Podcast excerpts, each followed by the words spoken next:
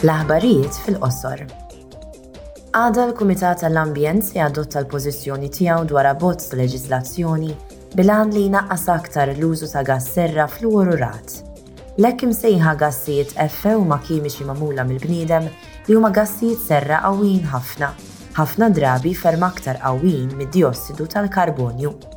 Huma jintużaw f'apparat komuni bħal fridges, is-sistemi tal-arja kkundizzjonata, il-pompi tas-sħana, il-protezzjoni kontra n-nar, il-foams u l-aerosols. Bħala parti mit-tħejjija għall-Jum Internazzjonali tan-Nisa ta' din is-sena, il-Kumitat għad-Drittijiet tan-Nisa u tal-Ugwaljanza bejn is-Sessi għada se jkollu laqgħa mal-parlamentari u l-esperti nazzjonali mill-pajjiżi tal-Unjoni Ewropea. Huma se jiddiskutu l-kriżi tal-enerġija u l-effetti tagħha fuq in-nisa.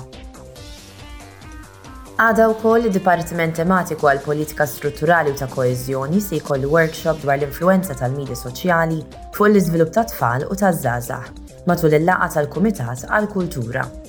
Waqt dan il-workshop l-esperti se jiddiskutu l-prattiki diġitali tat-tfal, is-sikurezza online u l-benessri fil-kuntest tal-familja u l-iskola.